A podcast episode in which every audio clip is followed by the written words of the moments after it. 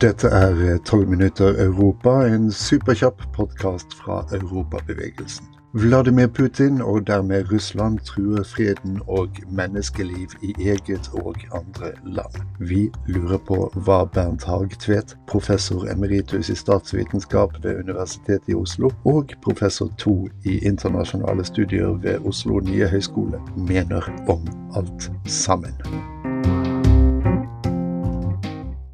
Bernt Hagtvedt. Med det brutale angrepet på Ukraina har eh, Russlands president Putin brakt Europa i et ulykksalig uføre. Og eh, felttoget går ikke helt som han hadde tenkt. Fins det noen farbar vei ut, eller noen vei tilbake for Putin? Det er jo et uhyre komplisert spørsmål. Vi vet jo ikke hvem som omgir Vladimir Putin, hvilke rådgivere han har. Vi vet ikke om det, er, eh, om det er spenninger innad i sikkerhetstjenesten, om det er spenninger innad i hæren. Vi vet jo ingenting om det. Men det som er helt åpenbart, er jo at han har eh, fullstendig feiltolket på to områder. Han undervurderte totalt Ukrainas motstandskraft og motstandsevne, og han undervurderte Europas evne til å stå sammen. Ikke bare Nato, men også EU. Det eneste unntaket er jo Ungarn, men det var å regne. Så Det merkelige er jo at Europa er veldig samlet stilt overfor den trusselen der. Det er en, den første konklusjonen vi må trekke. Men da han eh, nylig talte, til, talte i undertegningsseremonien for eh, annekteringen av Luhansk, Donetsk, Kherson og Zaporizjzja, da virket ikke responsen i salen direkte entusiastisk, for å si det mildt.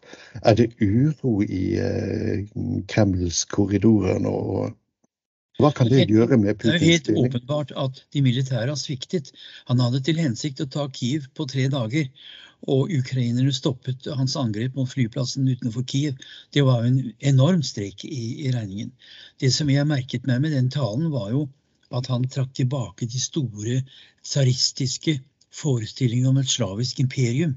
Han siterer i Vaniljen at det dreier seg om en annen sivilisasjon. Han trekker inn hele den ideen om det hellige mor Russland som en annen sivilisasjon.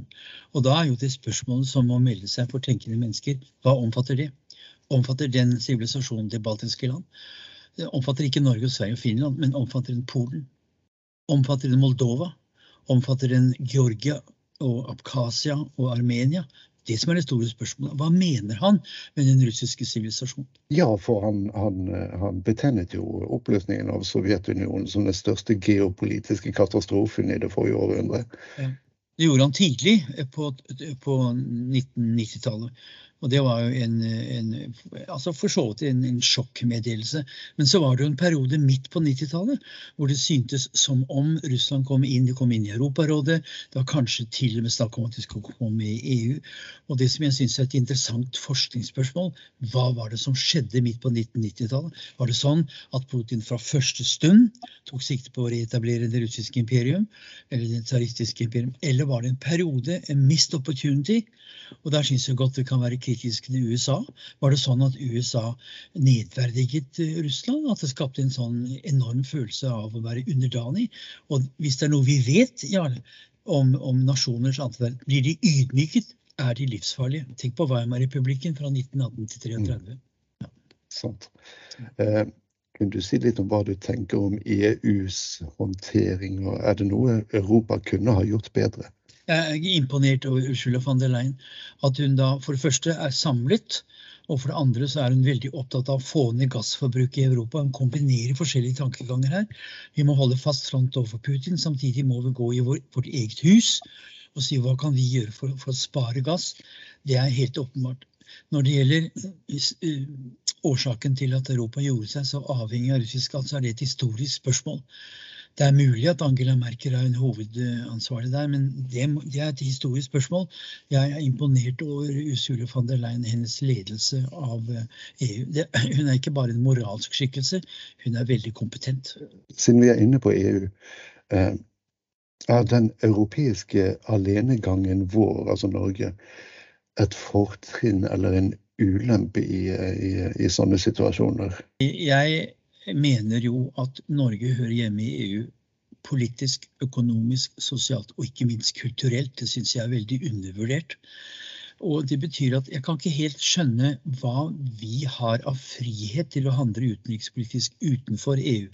Nei-siden vil argumentere for at det finnes et rom av frihet der. Jeg kan ikke helt se hva de mener med det.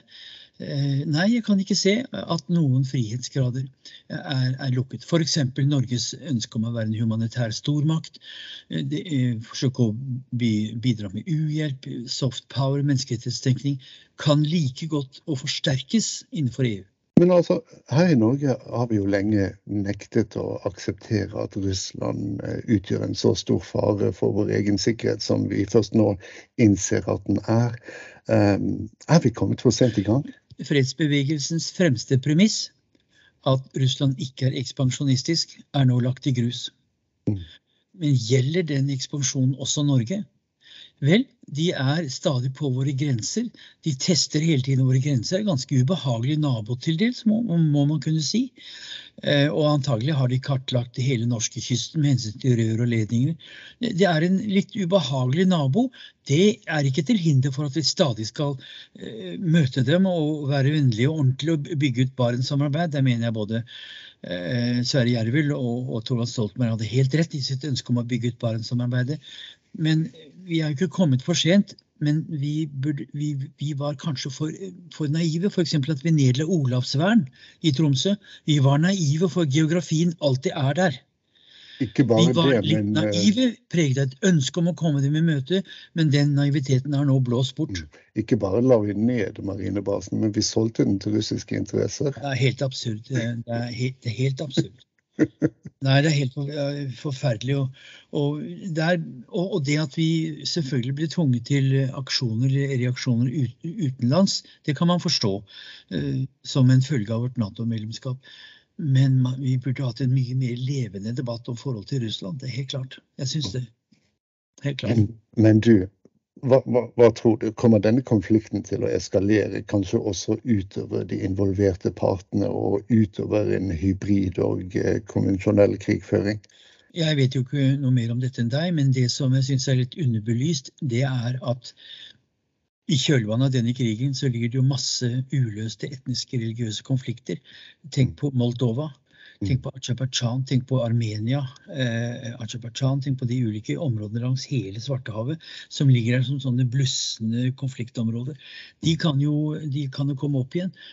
Dette er ingen lett sak, for Putin må jo ikke ydmykes. Hvis han ydmykes, så slår han helt bakut. Hvordan klarer Kissinger f.eks. har jeg sagt at eh, Ukraina må gi avkall på Ukraina. På, på, på, Krim. Han har et forslag om at det må gis noe til Putin, men hva og hvor mye? Og hele tiden er jo eh, Zelenskyj under trussel fra Høyre. Ikke? sant? Han er under trussel fra kupplanet fra Høyre, så hans handlingsrom er ganske begrenset. Ja. Og den siste som meldte seg på hylekoret, var jo Elon Musk for to ja, dager siden. Mm. fall, det er jo avgjørelse som, som, Ukraina må ha. Jeg kunne tenke meg, Det må jo være viktig å foreslå en Marshall-plan for Ukraina. Mm. Eh, I dagens eh, BBC så var det en uhyggelig reportasje om Lyman. Totalt lagt døde. Det er jo en gjenoppbygging av det landet langt på, på, på, linje med det, de, nesten, nesten på linje med det vi står for i Europa etter annen verdenskrig. Så en Marshallplan kombinert, Marshall kombinert med et forsøk på å komme Putin i møte som ikke ydmyker ham, dette er ikke lett å legge merke til, Jarle, at i denne konflikten har vi ingen moralsk autoritet på linje med Nelson Mandela. Overhodet ikke. Det er en helt annen type konflikt, mye råere. Eh, så der er det en stor forskjell, f.eks. For fra, fra anti-apartheid-bevegelsen i Sør-Afrika. Men altså, ingen lever evig, og eh, Putin er jo ikke noe unntak.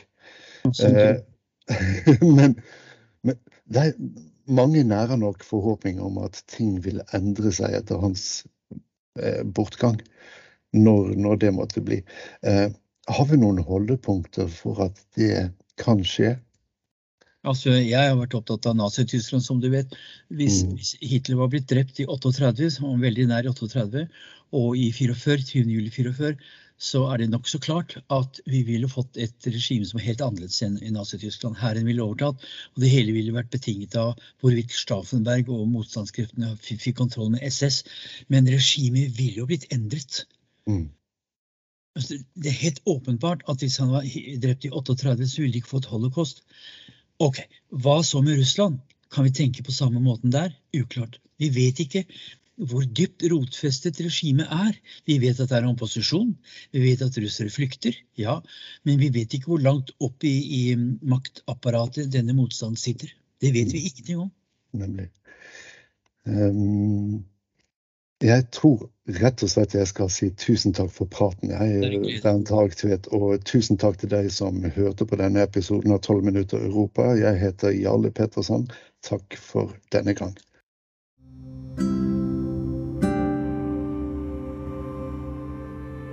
Husk å abonnere på podkasten, så varsles du når vi slipper nye episoder. Og ikke glem å følge europabevegelsen i de sosiale mediene, for uh, som vi alle vet det kan aldri bli nok Europa.